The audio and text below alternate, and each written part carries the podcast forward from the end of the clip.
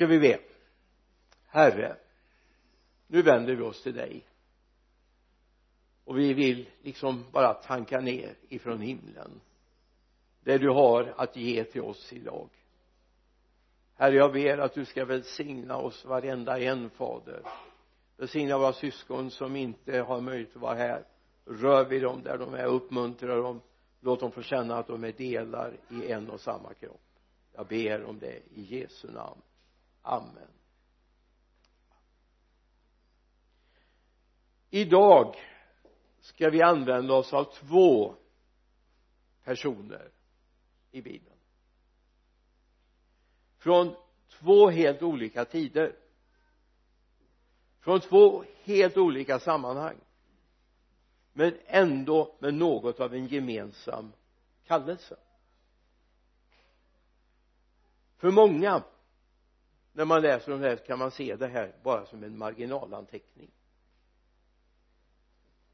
Men jag tror att vi kan stanna upp och titta på de här marginalanteckningarna lite grann och se om inte de eftersom de ändå finns där i Guds ord vill säga oss någonting. Och vi börjar i Lukas 2 Lukas 2 vers 36 och 37 det fanns också en profetissa Hanna Fanuels dotter från Asers stam. Hon hade kommit upp i hög ålder. I sju år hade hon fått leva med sin man efter sin tid som jungfru. Och nu var hon änka. 84 år gammal. Hon lämnade aldrig templet utan tjänade Gud med fastor och böner natt och dag. Hon lämnade aldrig templet utan tjänade Gud med faster och böner natt och dag. Vi läser inte om den här Hanna och den här situationen någon mer gång. Vi läser här. Egentligen summeras det i en enda vers.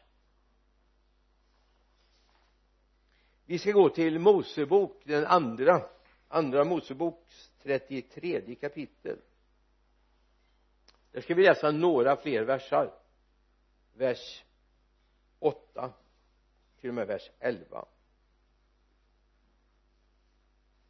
så ofta Mose gick ut till tältet stod allt folket upp. Var och en ställde sig vid ingången till sitt tält och såg efter Mose tills han hade kommit till, in i tältet varje gång Mose kom in i tältet sänkte molnstoden sig och blev stående vid ingången till tältet. Och Herren talade med Mose. När allt folket såg molnstoden stå vid ingången till tältet reste sig alla och bugade sig till marken var och en vid ingången till sitt tält. Och Herren talade med Mose ansikte mot ansikte så som när en man talar med en annan.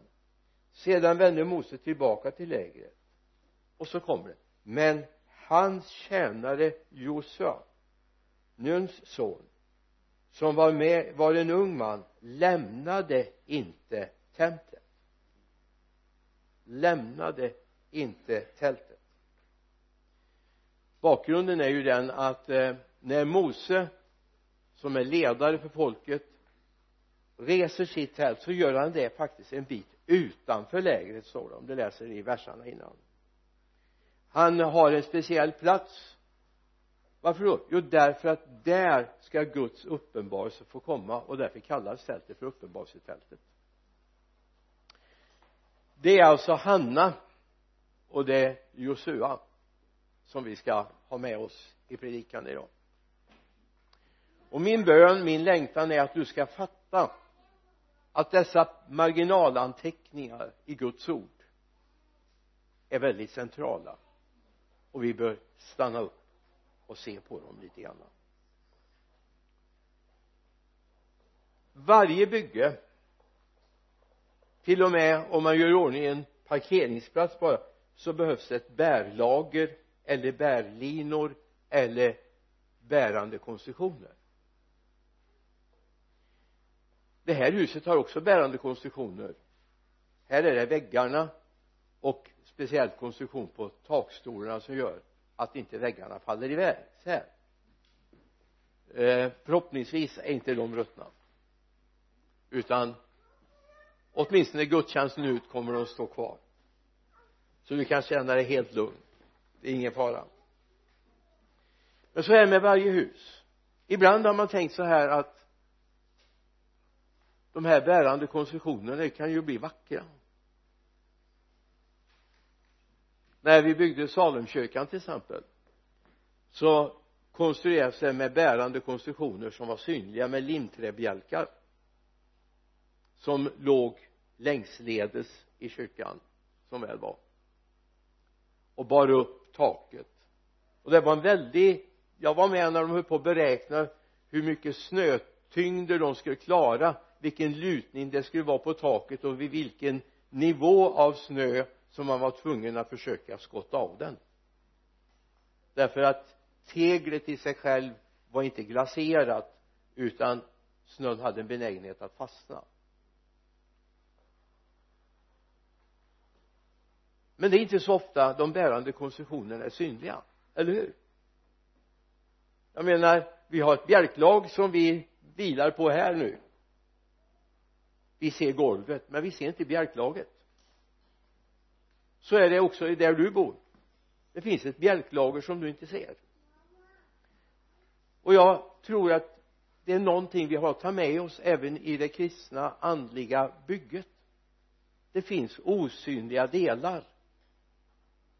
Utan dem skulle allt falla samman rasa ihop och bli ingenting. Och varje förståndig byggmästare vet hur han ska bygga säger Paulus i första Korinthierbrevets tredje kapitel. Så det är viktigt att se att det finns osynliga delar. Sådana här som vi skulle kunna säga marginalanteckningar.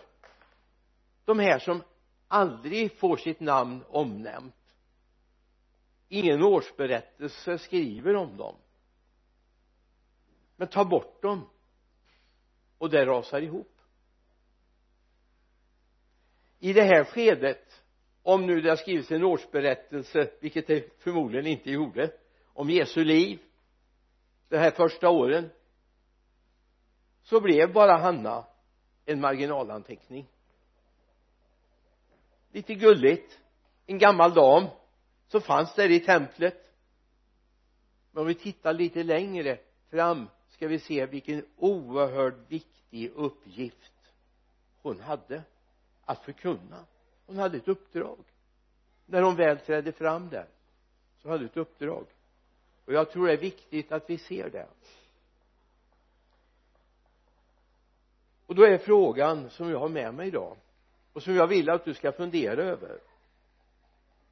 Vill du vara en bärande del i Guds församling? Eller känner du jag är det redan. För om vi sen tittar lite längre fram och vi kommer ska vi se det här är det som grundlägger den uppgift de ändå får. Det grundläggs inte på något annat sätt. Och vi tittar på församlingen som jag tror också kan vara den sammanhållande delen av ett samhälle alltså det är inte så här att det är det politiska livet som styr vad som händer egentligen. Det är församlingen som styr. Och det här behöver vi få tag i. Vi är viktigare än politikerna i kommunhuset. Och då talar jag inte bara om vår församling jag talar om kristenheten i stort. Vi är viktigare. De är inte oväsentliga på något sätt men en församling som ber för överheten är helt oöverträffad. Helt oöverträffad. Det står att han kan leda konungars hjärtan såsom vattenbäckar. Det gör han när vi har fattat att vi ska be för vår kommun.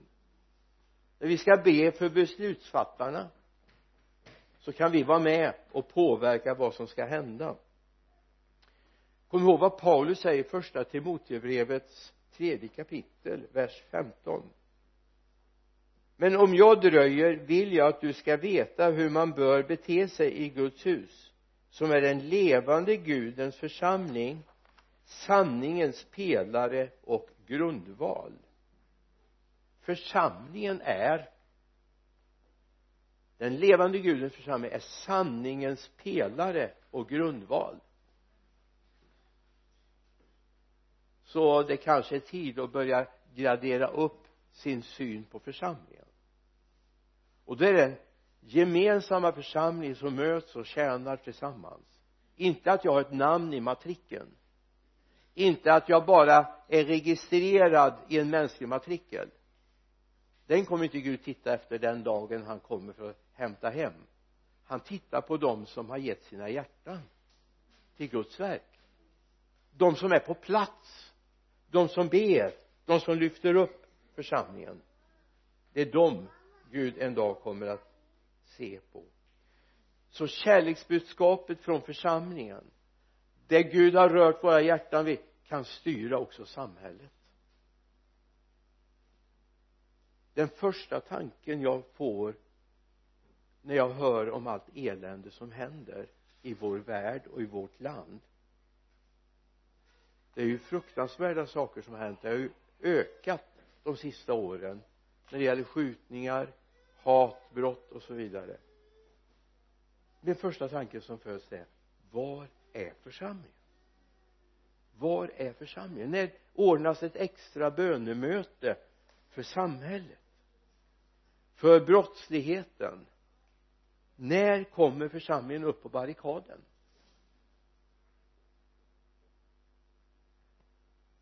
Kanske en alltför enkel tanke men den finns där.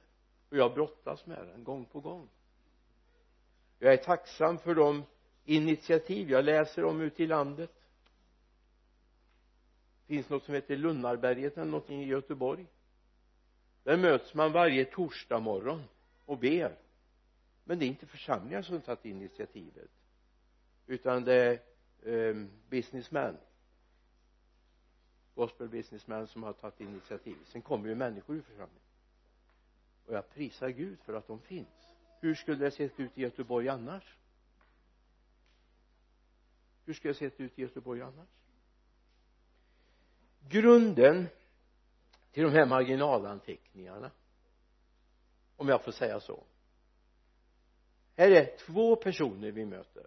Hanna när Jesus föds. Och vi har Josua. Och vi kan väl bara liksom snegla lite grann och säga så här Hanna får komma och dela ett väldigt viktigt budskap. Josua kommer så småningom från det att han har varit den där marginalanteckningen blir ledare för folket efter Mose. Det är han som faktiskt får föra in folket i det nya landet. Det är han som får vara med när landet ska delas upp. Det är han som är med men det börjar med en ung man som aldrig sviker uppenbarelsetältet. Det är någonstans det är där han kvalificerar sig för uppdraget. Han sviker aldrig. Allt startar i det Jesus tar upp i Matteus 6 verserna 5 till 8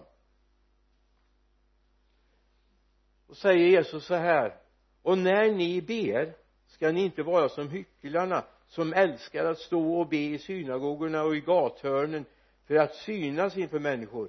Jag säger sanningen de har fått ut sin lön. Nej när ni ber gå in i din kammare och stäng din dörr och be till din fader som är i det fördolda. Då ska din far som ser i det fördolda belöna dig. Och när ni ber ska ni inte rabbla tomma ord som hedningarna. De tänker att de ska bli bönhörda för sina många ords skull har var och en var inte som det. För er far vet vad vi behöver innan ni ber honom om det. Här grundas det vi skulle kunna kalla för bärande konstruktionen i hela arbetet för Guds rike. Det är inte så att jag formas som bedjare i bönelivet i församlingen som är viktigt jag formas i bönekammaren. Jag formas i bönekammaren. Jag vet inte egentligen varför vi i västlandet har hamnat så snett när det gäller bön. Vi är felprogrammerade i många avseenden. När det går hundra böneämnen på ett tacksägelseämne. Och kanske 0,1 lovprisning. Vi bör vara programmerade med att bön som vi ber till Gud känner han redan till. Säg mig inte att du kan komma med något bönämne till Gud som inte han vet om. Då begränsar du Gud. Du behöver inte tala om för Gud bönämnet. Kanske det är bättre att du tar en stund och lovprisar honom för han har redan sett dig. I psalm 139 vers 4 så innan ordet är på min tunga vet du herre allt om det innan ordet ens är uttalat vet han allt om det. Så vi behöver ha en bön som har insett att Gud vet allt. Och egentligen vad skönt. Känner du bara man kan slappna av. Hallå? Gud vet ju redan. Ta en stund och vara med honom istället så kanske han också ger dig lösningarna han kanske också öppnar ditt hjärta så du ser vad Gud vill med ditt liv. Det andra är viktigt för att vara den där människan som är färgad, präglad för att bli en bärande konstruktion för Guds rike och det Gud vill i världen. Det säger Johannes i första brevets tredje kapitel vers 18 det säger han så här kära barn låt oss inte älska med ord eller fraser utan i handling och sanning. Det räcker inte att jag säger hundra gånger jag älskar Gud. Det imponerar inte på Gud. Det som imponerar om jag får använda ett sådant banalt uttryck på Gud det är när du visar det. När du visar det när du gör det. När du är med Gud tar tid med honom. Kära barn låt oss inte älska med ord eller fraser utan i handling och sanning. Låt livet få präglas av den kärlek Gud har fyllt dig med. Det räcker inte att du säger jag älskar dig. Det är likadant i, i ett hem, ett äktenskap det räcker inte att man säger att man älskar varandra. Man måste visa det också. Det måste också prägla min prioritet hur jag lever. Det är jätteviktigt. Säger jag då som är görbortskämd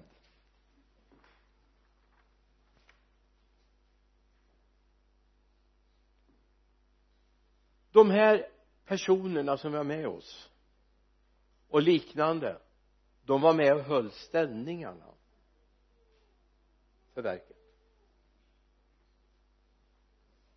Hanna tjänade Gud och hon gjorde det både natt och dag. Hon var hela tiden med Gud. Och under hur lång tid hon var med Gud det vet vi inte. Men vi vet att hon hade varit gift i sju år från det hon var jungfru och om vi ska tänka lite grann den tiden så var hon säkert inte 50 år när hon gifte sig. Kanske snarare mellan 16 och 20 knappast 20 år. Snarare 15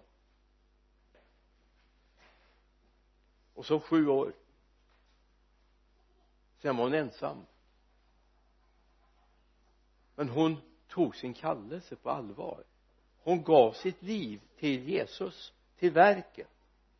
Hon övergav de där planerna som normalt skulle kunna komma va? Och som hade varit helt riktiga. Hon har inte syndat om hon gjort det.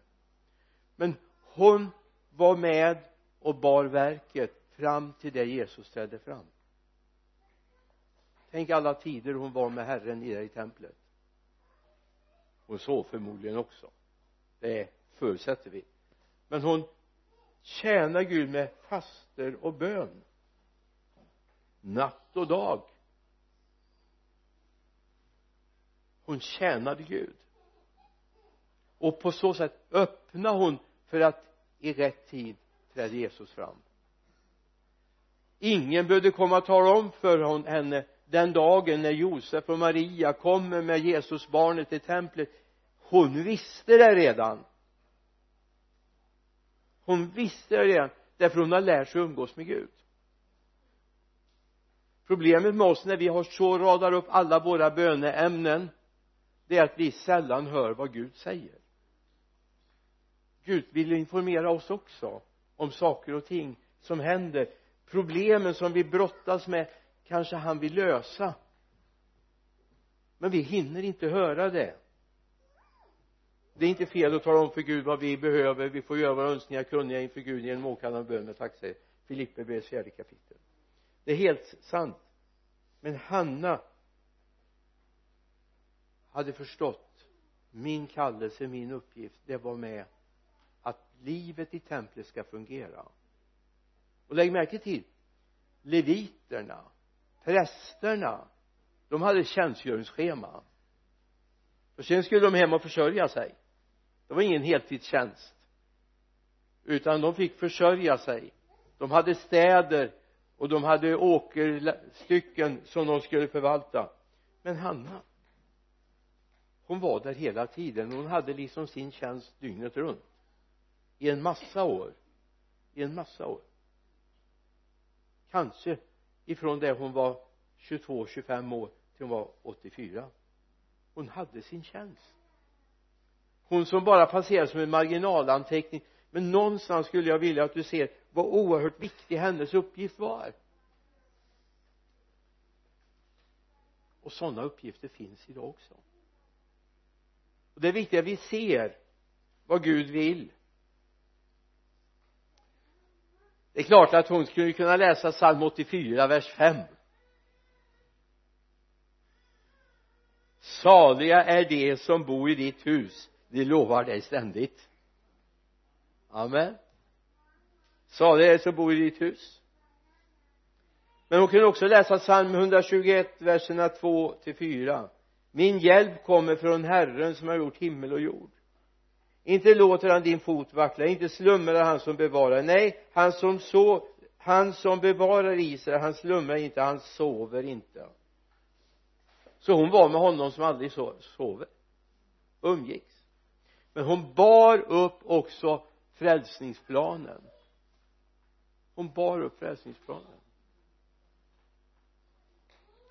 Jag fick framförallt i början av vårt arbete här under 90-talet så fick jag frågor.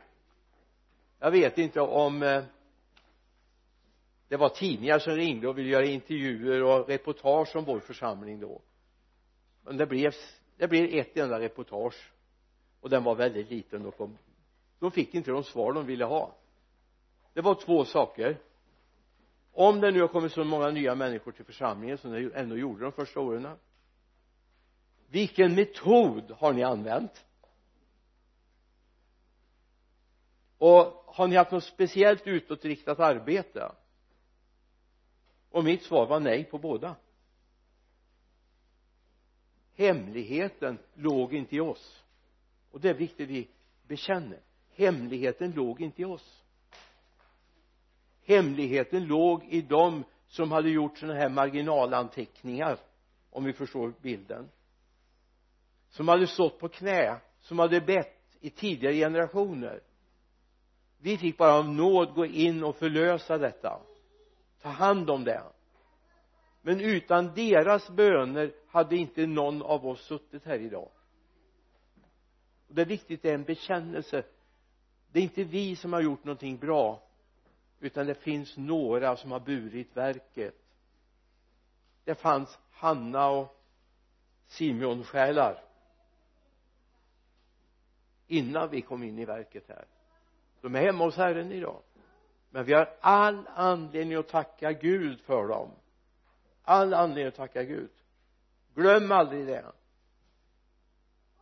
Vänd aldrig och säg så här bara tänk på att vi har varit duktiga. För det har vi inte varit. Vi har bara tagit hand om det Gud födde genom dem.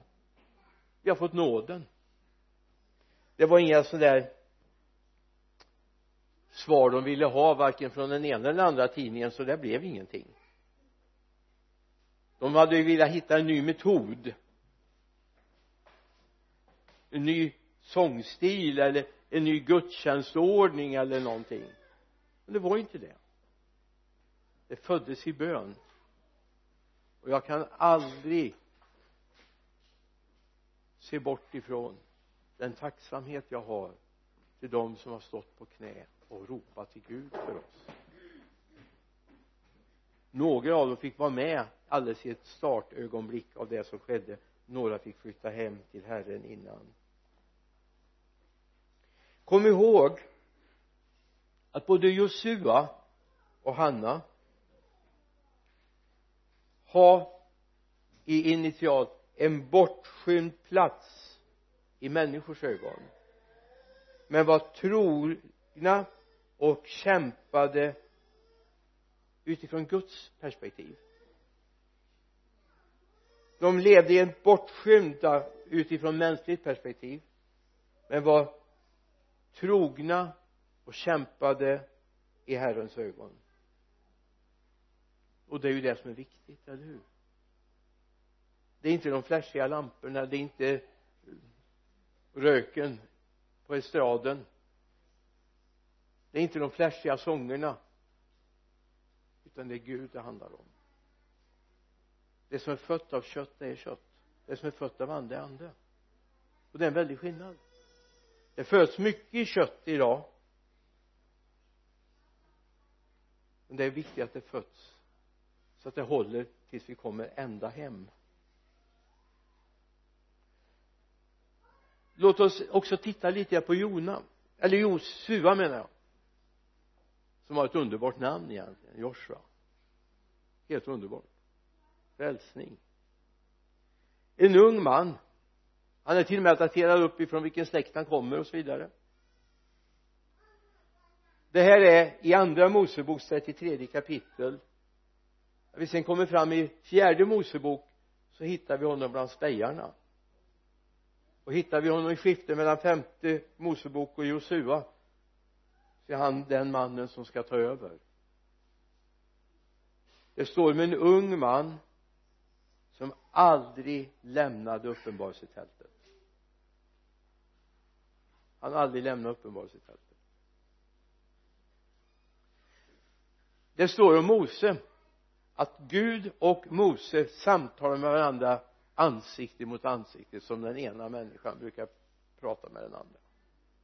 Visst är det häftigt? Har du någon gång känt att Gud dit skulle jag vilja komma? Att jag får prata med dig ansikte mot ansikte. Och det är, det är en väldigt viktig notering väldigt viktig notering. Men låt mig säga att det här är en än viktigare notering. Det fanns en som visade trohet. Paulus säger någonting som är jätteviktigt och som är så svårapplicerat i vår tid. För det hör inte till trendighet han säger uthållighet är vad ni behöver för att göra Guds vilja. Guds vilja är ingenting som bara så och så händer det utan uthållighet är vad ni behöver för att göra Guds vilja.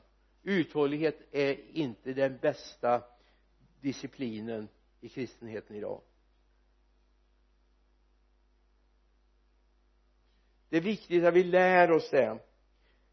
Josua visade uthållighet.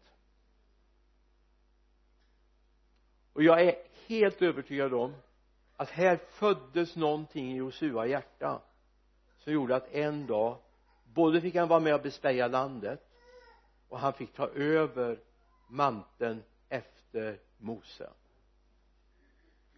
Det var ju inte någon ur Moses släkt där utan kom ur en annan familj. Men vad var det som kvalificerar honom. Jo han var trogen i det lilla. Han var trogen där i uppenbarelsetältet det står inga stora profetier ifrån honom här. Det står ingenting att han har gjort det eller det. Men han var trogen. Och så vann de seger så småningom. Över de motståndare de hade. Så kom ihåg vad som vi läser i andra krönikebokens sextonde kapitel. Vi kan eh, jag tänkte läsa, vi ska läsa några verser men vi kan ta vers 9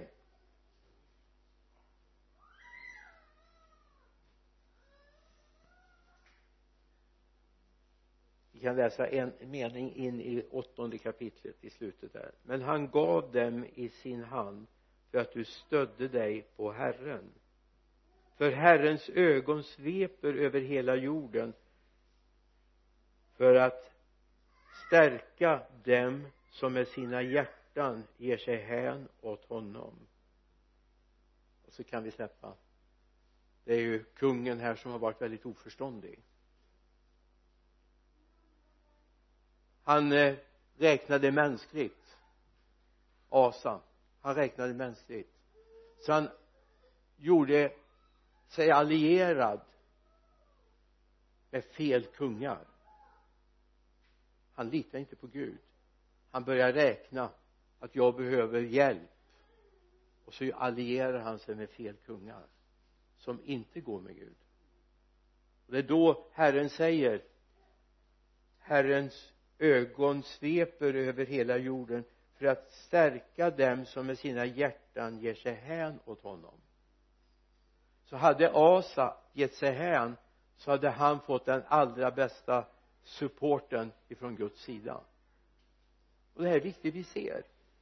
Är det så att Guds ögon idag sveper över jorden för att se var finns det ett hängivet hjärta? Honom, henne ska jag gå med. Honom, henne vill jag använda i min tjänst de som har hängivna hjärtan för Gud. Och vi är inne i en tid idag då Gud håller på att kalla samman. Alltså var inte så trygg i den här världen. Vi är snart framme i en tid då vi kommer till det penninglösa samhället.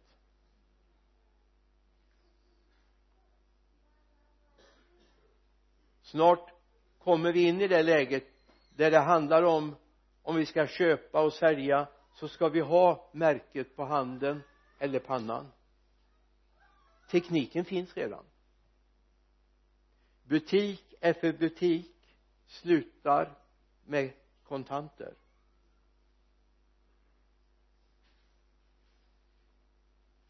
Och det räcker att du kommer till någon affär på Willys här eller du kommer till Coop och Överby eller så står det vissa kassor här tar vi bara kort. Vi är där vi fick ju nya sedlar här och nya mynt för eh, förra året.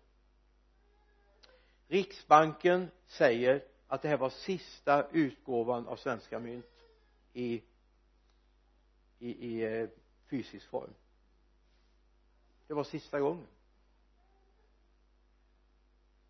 Man räknar med inom en fem till tioårsperiod så kommer inte affärerna åtminstone inte de som ligger på landsbygden lite mer isolerat kommer inte användas som kontanter för rånarrisken plus vi ser också ett bekymmer i församlingen. Vi har svårt att göra oss av med mynt. När vi deponerar vår, våra offer så får vi inte skicka med mynt max tio i så fall. Så eh, använd sedlar. Ett bra tips. Därför vi får åka till Trollhättan och än finns det en plats men de tar bra betalt för det. För att vi ska deponera mynt. Vi är inne i en ny tid. Och då är frågan finns det de som har burit verket i kammaren för att vi ska kunna gå vidare. Ska vi kunna konstatera om fem, tio år om Herren dröjer och vi får leva det fanns några som han kunde plocka fram ur kammaren. De hade varit trogna. De hade varit med och burit verket de hade inte fått någon plats i årsberättelsen tyvärr. De var inte omnämnda i årsmötet. Men vi är oerhört beroende av dem. Guds verk är beroende av dem. Guds församlings framtid är beroende av dem som är beredda att ge sina hjärtan för honom.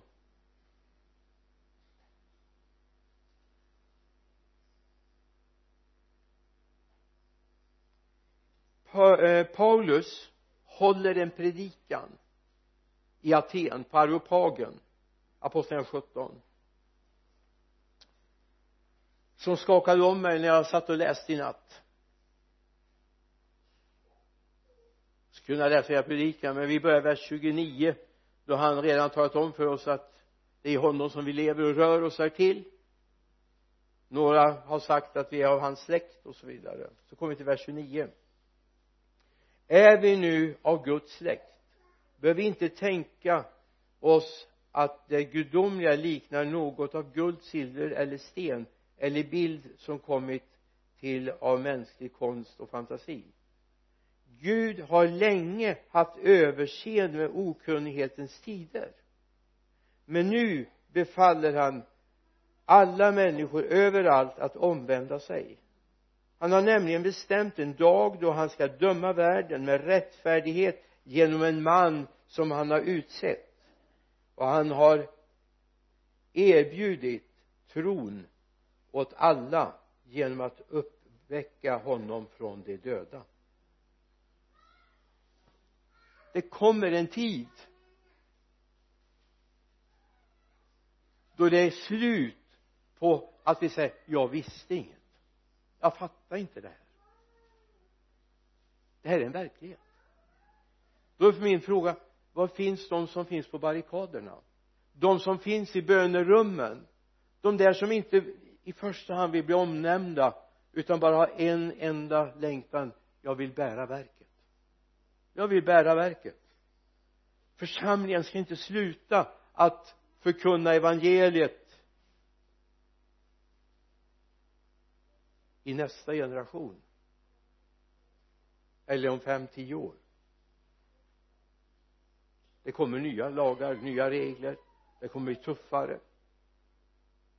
Jag menar vi har varit väldigt förskonade i Sverige. Vi får gå ut på gatan med gitarr och sjunga. Bara vi inte är för stor samling så att vi hindrar trafiken så får vi stå på gågatan och sjunga. Om vi inte har högtalarsystem med oss vi får söka tillstånd vi får vara i plantage eller i, i, i skräckland. Vad är det? 20 år någonting vi har hållit på där nere. Drygt. Vi får ha möten du får gå med bibeln under armen. Men hur länge? Hur länge? Nu är vi beroende av att det finns några som känner ja Gud jag vill finnas med och bära verket. Jag vill se till att kammarbönen lika med alltså bönen i din ensamhet i ditt hem får bli mer levande.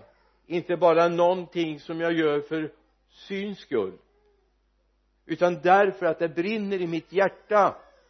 Verket ska gå vidare. Om du läser i eh, Lukas 2 nu om eh, Hanna här Eh, efter vers 39 eller i slutet av vers 39 så står det faktiskt om att hon får förmedla frälsningens budskap. Tala om det här det är honom vi har längtat efter. Det är honom vi har längtat efter. Josua kvalificerar sig till sitt uppdrag. Ja, visserligen genom att han var spejare och var av en annan ande. Han och Kaleb hade en särställning hos Gud. Eller Gud hade fått en särställning i deras hjärtan. Så okej okay, de såg ju alla problem men de såg att Herren är ju med oss. Så vad är problemet?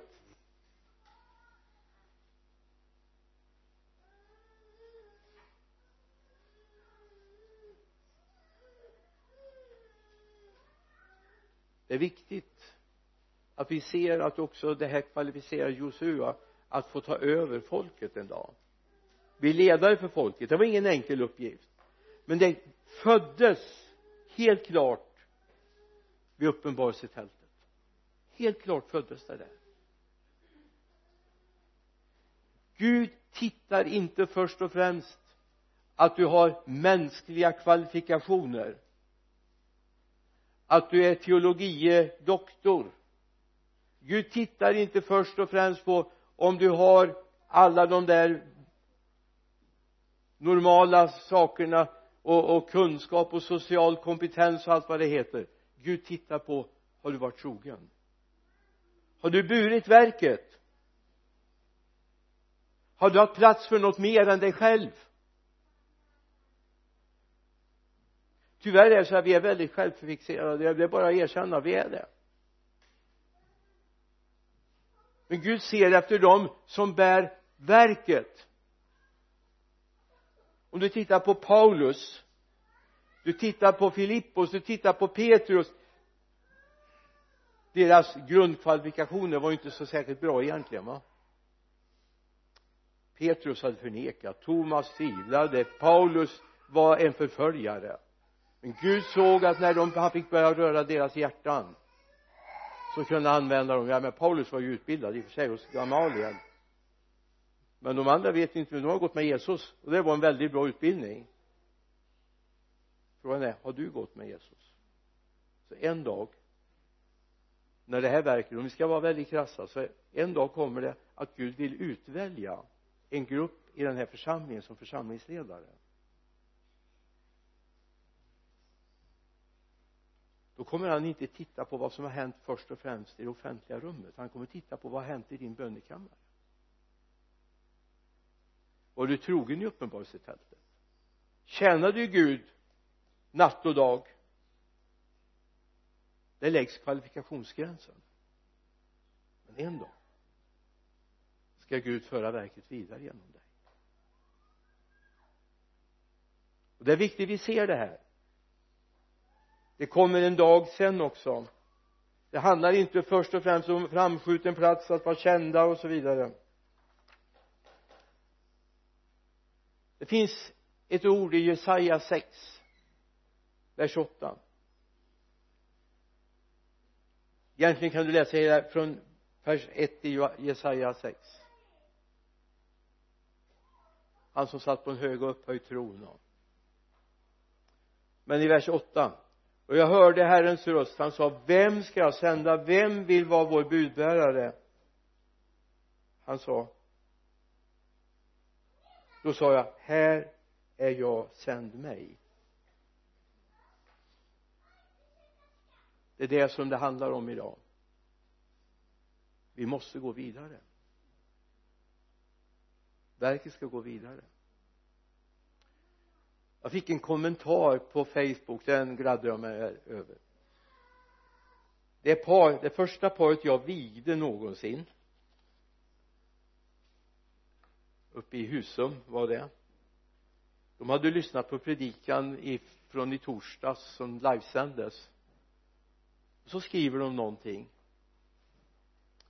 Vi som var ungdomar då nu kan jag inte utan till vad de skrev så satte du djupa spår i våra liv. Och de spåren märker vi fortfarande av. Yngve och Marita. Aronsson